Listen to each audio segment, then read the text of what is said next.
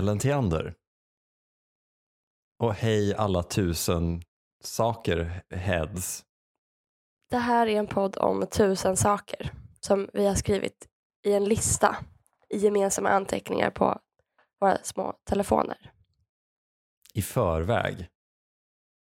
Jag vet, inte, jag vet inte varför jag alltid säger det i förväg. Jag, jag vet, man är väl så stolt att man har att man har förberett gjort- sig för en gångs skull i sitt liv. att man har gjort något i förväg. Ja, i god tid. Lite som att köpa en parkeringsbiljett. Mm. Alltså i, i en automat. Ja. Aldrig varit med om, men berätta gärna i detalj. Jag, jag, jag kan känna redan nu hur man klickar, du vet sådär i fickan. Eh, när man har airpods så måste man höja genom att trycka på telefonens upp volymknapp i fickan. Man ser lite, lite ut som att man liksom kliar sig på könet om telefonen är vänd åt fel håll. Jaha. Så att liksom volymknappen är mot skrevet. Så ser det ut som att man går och gräver lite. Mm.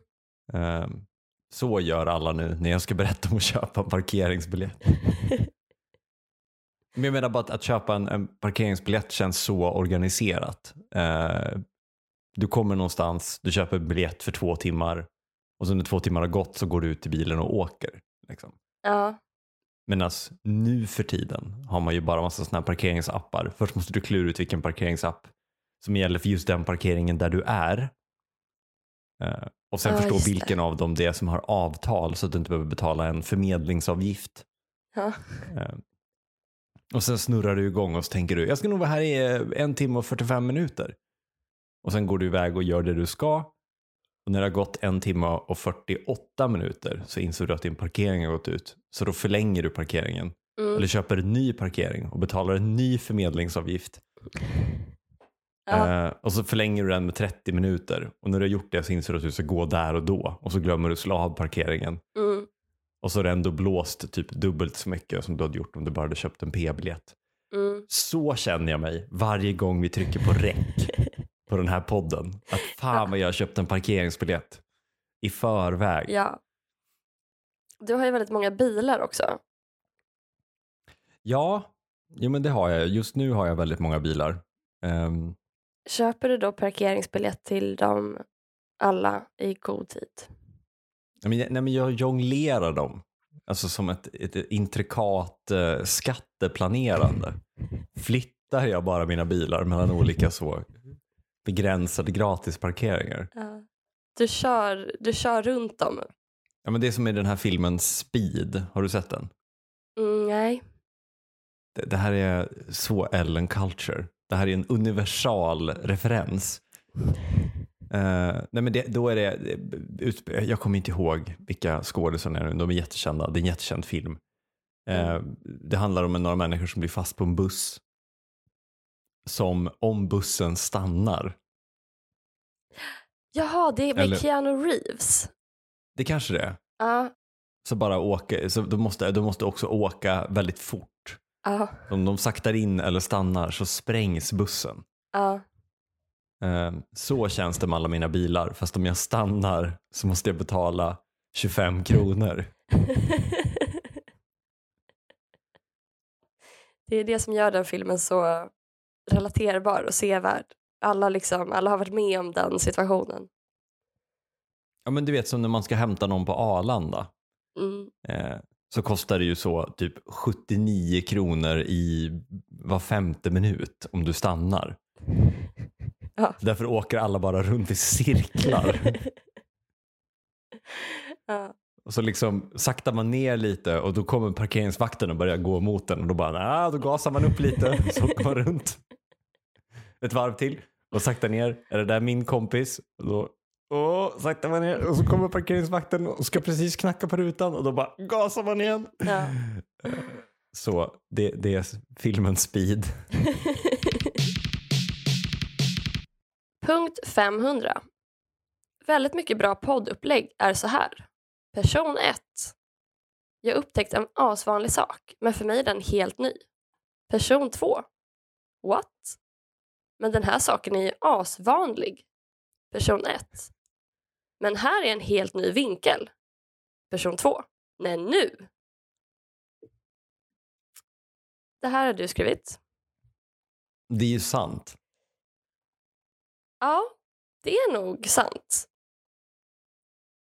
Det, jag säger inte att det är ett bra upplägg, men jag säger att det är ett upplägg. Det känns som att det inte borde stämma. Att en person som inte har upplevt, alltså som, som är helt främmande inför ett väldigt vanligt eh, fenomen, Mm. inte borde kunna komma på en självständig eh, observation om fenomenet. Mm. Men det kanske är så. Det är lite den här... eh, Antingen ska du inte kunna någonting eller allt för att kunna komma på någonting nytt. Men Det blir ju den här konsultspaningen. Varför tog ni in en konsult för 2500 kronor i timmen? Ja, men vi behövde nya friska ögon. Mm. Men eh, jag ville bara ta upp det här för att eh, stärka ditt självförtroende än en gång genom Mhm. att eh, berätta att du återigen har tusen apor att dig fram till en känd tänkares eh, filosofi. Precis som du har gjort med Wittgenstein till exempel. Det här är inte bra för mitt självförtroende. Ellen. Det, det, att jag så har idiotens tur. Eller vad säger man? Ja, men du, du är ju den här personen som, har, som upptäcker ett nytt ett fenomen. Du är personen i punkten kanske. Ja, fast det visar sig att min take bara är så en parafras på en 200 år gammal sanning. Det är lite som att jag skulle få ett skavsår och bara, hörru, när den här hudflärpen slits ut så, så kommer den tillbaka mycket starkare. Tänk om det är så med allt liv på jorden. Du bara, det, det är Darwin. Du sitter nu med en tjock bok framför dig och bläddrar. Mm. Den här boken heter Radio Benjamin av Walter Benjamin. Och nu är det på engelska så jag måste simultanöversätta. Och det här det är inte exakt kanske som du beskriver men det är bara roligt att han, han har också en eh, han har sammanfattat väldigt många radioupplägg. Mm. Ämnet består av typiska situationer i vardagslivet. Eh, metoden är att eh, vad heter det, juxtapose, spegla eller? Eh, lägga ovanpå, rastrera, eller? Rastrera, Addera till. addera. Ställa upp bredvid, kan man säga så? Ja, Nu, nu tusen apor här, jag igen. engelska språket. Metoden är att eh, ställa upp exempel med motexempel. Talaren uppträder tre gånger i, den, i varje lyssningsmodell. I början presenterar han det ämne som kommer täckas eller behandlas. Han eh, presenterar sen för publiken de två deltagare som kommer eh, framträda i den första delen av den här lyssningsmodellen. Den första delen innehåller motexemplet, hur man inte ska göra det. Efter den första delen återvänder talaren. Han antyder att eh, misstag gjordes i det här motexemplet. Sen visar han lyssnaren en ny figur som kommer eh, framträda i den andra delen och visar hur eh, samma situation kan hanteras eh, framgångsrikt. I slutet jämför talaren den felaktiga metoden med den eh, framgångsrika och eh, ramar in moralen. Ja, det här är ju en av 1900-talets mest erkända tänkare. Alltså jag. Alltså jag tycker om det är så som det är, jag skulle föredra att det var som i ditt upplägg. För i Walter Benjamins upplägg så känns det väldigt mycket som moraliska påbud och liksom di- didaktisk eh, radio. Att så här, nu ska vi, nu ska jag berätta en sedelärande historia. Men så är det ju, så är, alltså, han har ju mer rätt än vad jag har egentligen. För att om du tar det, det upplägget som jag beskriver upplever jag mer och mer förekommer i att personen som pratar liksom driver med hur världsfrånvända de är. Mm. Jag tänker i, i typ Daddy Issues eller i Ursäkta-podden. Mm. Att de liksom, ehm, jag vet inte, jag har behövt boka en tvätttid. Va? Ja, det är första gången jag gör det. Bara, Fan vad sjukt! Alltså så att de, de driver med att de är så världsfrånvända att de Ja, aldrig har just det. bokat en tvätttid. Ja. Och så kommer de med någon kul take på att boka en tvätttid. Fan vad sjukt det är att boka en tvätttid. Att du typ säger till hela din bostadsrättsförening att så här, hörni, här kommer jag med mina skitiga trosor. Liksom. Ja. Eh, eller vad man nu vill köra för kul eh, spinn på det. Eh, men det de säger ändå, alltså man, man gör ju ett, man målar ju upp sig själv som en karaktär. Alltså nu, ja, nu gör de ju typ lyteskomik och så, kolla vad dum jag är. Mm. Eh, men du kan ju också måla upp det som i, fan vad konstiga ni alla är. Så här, så här skulle det kunna vara. Mm. Varför måste man skriva sitt namn? Kan man inte skriva bara ett klockslag? Eller en tidpunkt, alltså, eller någonting. Eh, så man, man gör ju fortfarande en markering. Eller som i många av em, våra prator så är det ju liksom, fan vad dumma alla kapitalister är. Mm. Här är en eh, grå, gråsossetolkning. ja, Liksom. Så, så här borde det vara. just det. Man är lite naiv. Det är en som är naiv och det är en som representerar liksom en etablerad uppfattning kanske. Ja, ja men precis. Alltså man använder naiviteten som ett sätt att ifrågasätta eh, något som är... Alltså det, och, och det använder vi ju, eller det är ju många som använder hela tiden. Så jag vill bara ställa en fråga, vad är det med alla invandrarmän egentligen? Alltså så. ja, Och då använder man ju naiviteten som ett sätt att liksom lyfta och, och ett, ett ämne. ja, Det var ett jättelångt svar. Jag, jag tycker alltid att det känns som att det finns ett, ett, en moralisk, sedelärande del. Oftast då att framhäva sig själv som väldigt intelligent. ja. Men i vår podd så är både du och jag naiva. Har ni tänkt på att eh, det är helt sjukt att kapitalet äger produktionsmedlen? Alltså bara en fråga. Ja, det är bara en Varför, fråga. Vad är grejen? Vad är grejen med det? Jag vet inte. Eh, Jag vet inte heller. Jingel. det vore inte, vore inte alltså så här bara en sjuk grej. Liksom, jag vet inte, tänk om så här arbetarna ägde, ägde dem. Ja. pff, gemensamt. Ja, vilken... ja, bara lilla jag som Ja. tänker högt. Har du något exempel som du kommer på från verkligheten? På det här? Vadå? På, På på antingen Walter ditt... Benjamin eller på min? Ja, ehm, kanske egentligen mest din då. Eller Men båda. vadå?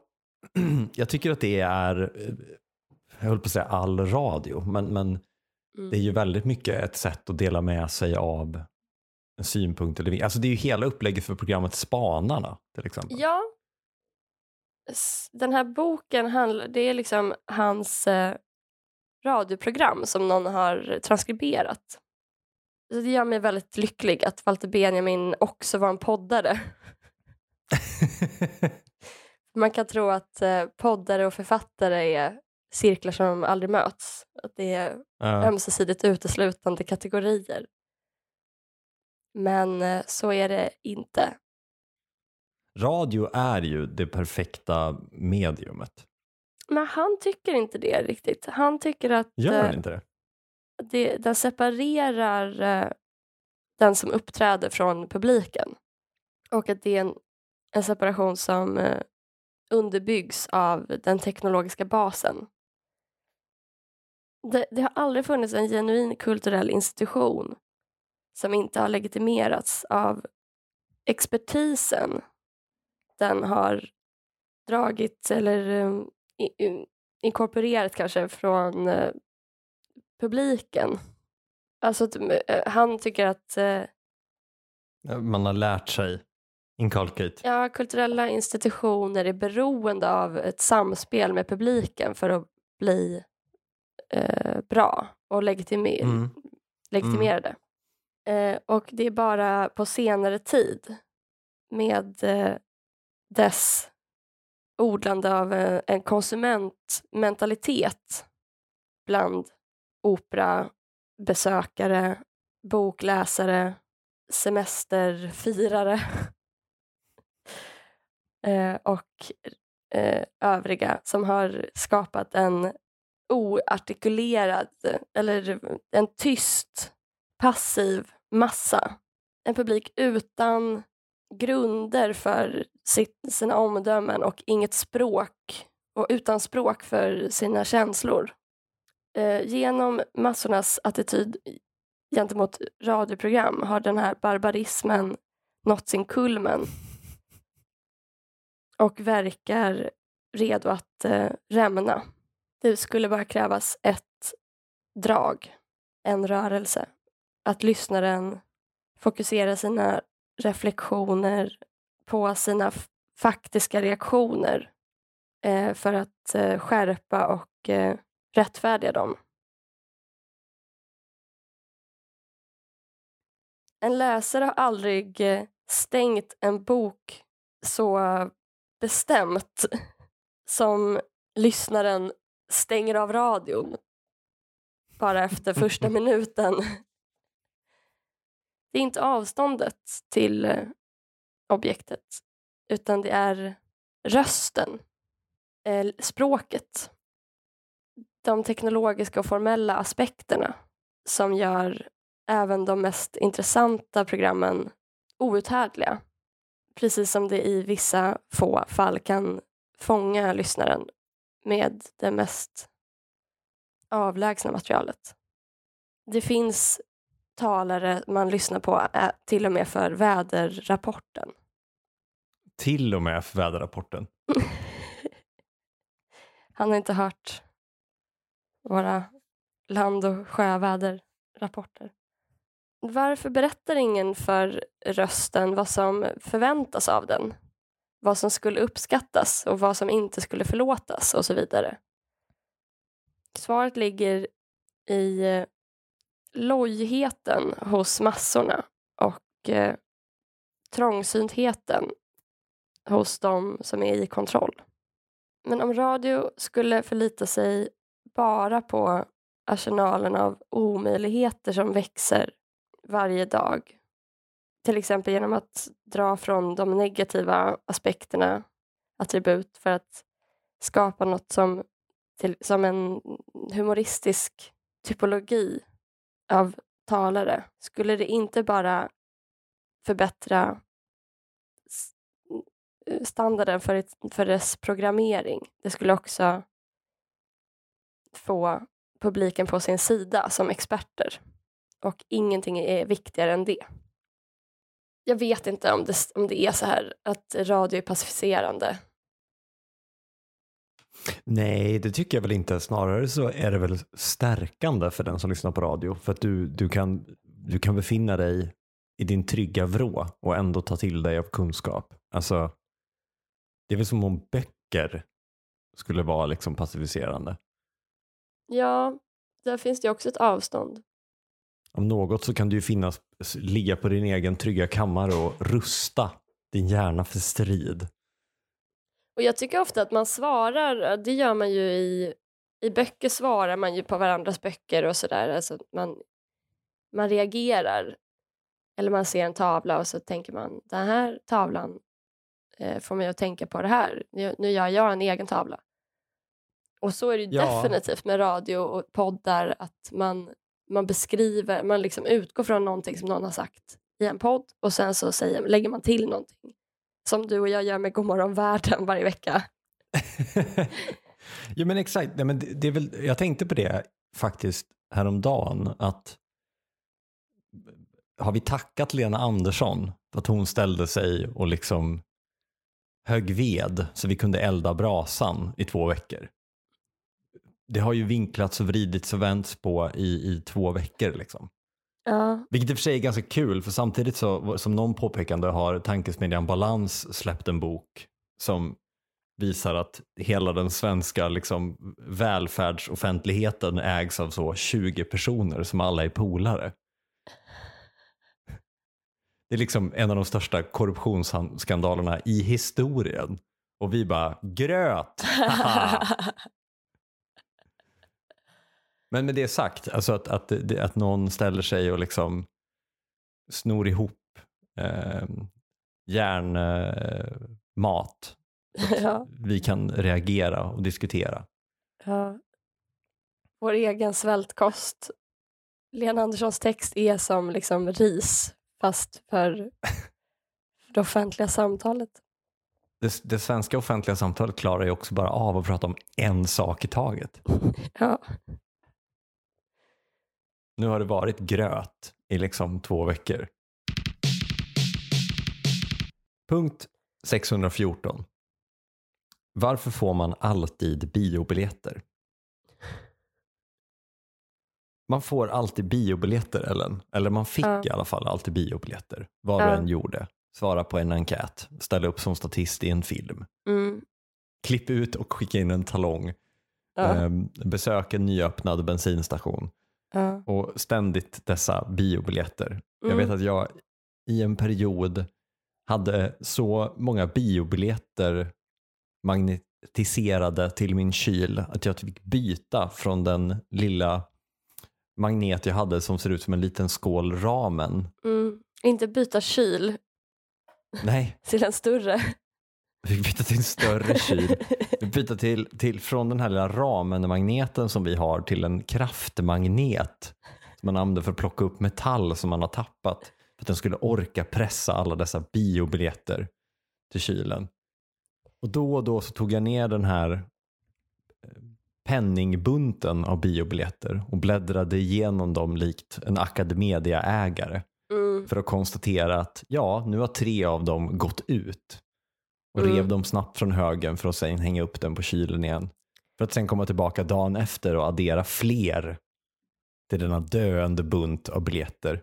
För jag har inte tid. Nej. Sluta ge mig arbetsuppgifter för att jag har gjort en arbetsuppgift. Ja, verkligen.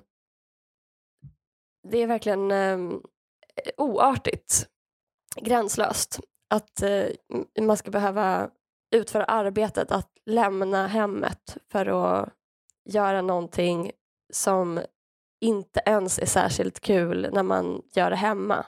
Jag lovar dig att nu när jag faktiskt vill gå på bio och se Barbie-filmen Ja, som all, alla vill ja. så kommer jag inte få några biobiljetter. nej. Det är som att de är i maskopi med varandra. Mm. Det är bara när det är ännu en, en eh, liksom superhjältefilm. Batman begins all over again 4. Och plötsligt så är man död. för att man bara har, Ja, har gått på så mycket bio.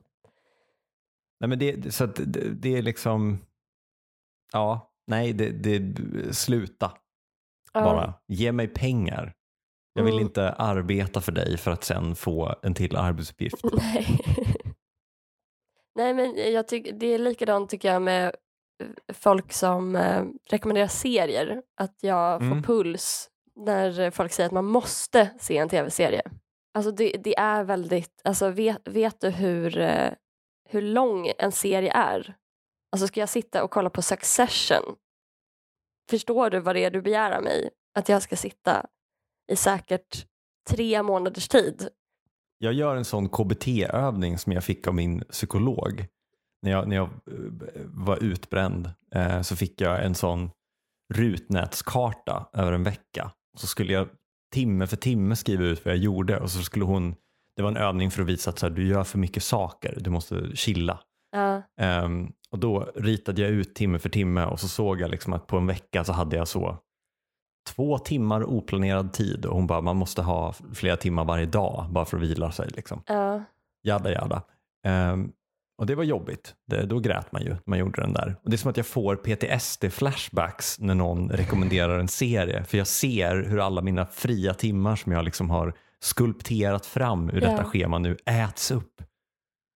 Ja, Jaha, ja. jag måste se Breaking Bad. Okej, vart ska jag hitta 156 timmar? ja. Vi är ju inne i 2025. ja. Ja, man Ska jag ser se vad man... Industry, Working Moms? Hur ska jag, hur ska jag hinna med? Jag kommer missa mitt barn växa upp. Ja. Jag, jag har liksom inte ens varit i Comosjön och jag kan fortfarande inte läsa noter. Men, men nu måste jag tydligen prioritera den här, den här arbetsuppgiften. Ja, men det är ju det också, det går ju inte att fuska. Det, jag jag eh, har en bekant som tittade på serier med 1,25 gånger hastigheten. Ja, Och, och nej, så får man inte göra. Att man får Nej. lyssna på radio, med, man får lyssna på poddar eh, får man göra med 1,25 gånger hastigheten. mm. Speciellt om det är Skokonomics, för de pratar så långsamt. Och avsnitten är så två och en halv timme om ah, okej. räntebanor. Det är ändå imponerande för det är så mättat på information. Ja, men det, jag tror inte de klipper. Det, jag tror bara att, jag Nej, tror bara att de pratar. Ja, men ge mig frid, det vill jag ha som betalning. Mm. Ja, lämna mig i fred. Låt mig slippa svara på en till enkät bara, det räcker. Men ska man inte börja rekommendera böcker tillbaka då? För det får ju folk i gemen panik av. Eller att man ber dem kanske så här, ja men jag kan absolut kolla på den här, jag kan absolut gå och kolla på Dune om du hoppar in och vikarierar för mig en eftermiddag och gör lagboken. Nej, men jag, jag, ja, jag, jag tror på att börja oombett rekommendera böcker. Ja. För det tror jag folk kopplar mer till tidsåtgång, att det är, att det är krävande. Ja, absolut. Och jag tror att de ser det som en, en, en förolämpning åt skryt. Mm. Eh, att så, oh, jag är lite böcker. Men alltså, jag eh, upplever att böcker tar så mycket tid som jag vill att de ska ta. Alltså, men alltså en tv-serie är så, okej, men jag måste spänna fast mig i 24 timmar för att se det här. Liksom. Ja. Ja, men, ja, ska du kolla ikapp på Succession nu så har du 24 timmar som du behöver spänna fast dig i tv-soffan, minst. Mm. Liksom. Vilket du för sig borde göra, vill bara lägga till det. Oj, oj, oj. Ja. En bok kan man ju skumma, till skillnad från en tv-serie. Fast det är också, jag vet inte, alltså, nu håller jag på och läser Dieter Strands Med Palme. Mm. Och jag är verkligen så, när jag har min timme som jag läser innan jag somnar, eller jag brukar läsa tills jag eh, får yrsel. Och då lägger jag ifrån mig boken och så somnar jag på en minut. Ah. Och det tar ibland fem minuter för om jag är jättetrött eller så tar det en timme om jag är uppe i Mm. varv. Liksom. Mm. Och jag kan verkligen längta till den där stunden. Att jag är så, Ja. åh gud, nu får jag äntligen lägga mig. Så att jag kan, Få yrsel. jag, vet, jag kan ligga här och götta mig i Deterstrand och jag kan Mm. liksom läsa om saker eller jag kan läsa jätte, jättelångsamt. Men menar du yrsel, förlåt att jag hänger upp mig på det, men menar du Ja. alltså ögonblicket innan, precis innan man somnar? Alltså att man börjar, att det börjar flimra, att man inte riktigt kan hålla sig vaken? Är det det du menar? Alltså för mig är det mer som ett kräk, alltså ett, ett illamående. Liksom. Jaha. Jag fick det efter att jag var utbränd. Att jag, jag, om jag blir väldigt trött så är det som att jag liksom på karusellyrsel Oj, och så nästan måste hålla fast mig. du läser tills du spyr. Ja men alltså typ, på riktigt. Eh, på, på riktigt är det så. ja. Jag var så stolt för att jag, jag, jag, jag var ute och drack öl eh, och tills jag behövde spy en gång. mm. Jag bara, shit, det här har jag inte gjort sedan många år tillbaka. Mm. Fan vad coolt. Mm. Look at me, youth. Men sen så, ehm, sen så hände samma sak en vecka senare. Eh, fast jag hade inte druckit någonting. Aha. Så bara, jaha, det var bara att jag hade varit uppe sent. Då kräks jag tydligen. Tack för den här gången, Ellen Theander. Mm. Tack själv, Kim Eklöf. Någon skulle gärna få ge mig arbetsuppgiften podda med dig i, i present efter att jag hade svarat på en enkät. Gud, jag hoppas ingen har rekommenderat alla avsnitt av den här podden. Nej. Vi kommer ut på tisdagar klockan sex på morgonen. Lagom till morgonlöprundan. Hej då. Hej då!